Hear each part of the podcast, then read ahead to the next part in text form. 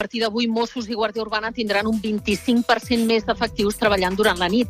Faran inspeccions als locals per garantir que tothom tanca abans de dos quarts d'una i patrullaran sobretot els punts on hi ha concentracions i botellots a les platges, a les places o a passejos, com per exemple el del Born.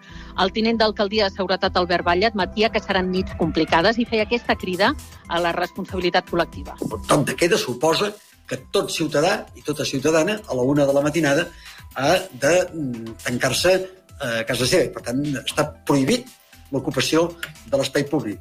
No fa falta que es tanqui res, està tancat. Eh?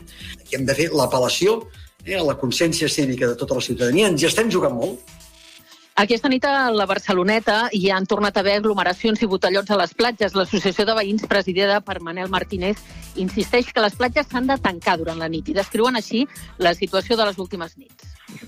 Saps què em dona la sensació? Ara faré mica la conya. Últimos cinco minutos i tothom corre, pues lo mateix. Hem donat la sensació de que diu que vamos a dar el toque de queda, correr, i tothom a fer desmave. Abans d'ahir, nit va ser, però ahir va ser la reelecció ahir va ser molt fort, moltíssims follons.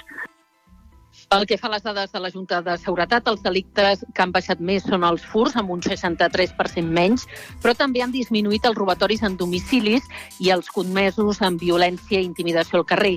El que ha posat i molt és la violència masclista. En els sis primers mesos de l'any, aquí a Barcelona s'han denunciat 1.300 casos de violència contra les dones, un 22% més que en el mateix període del 2019. Els maltractaments a la llar han posat un 40%.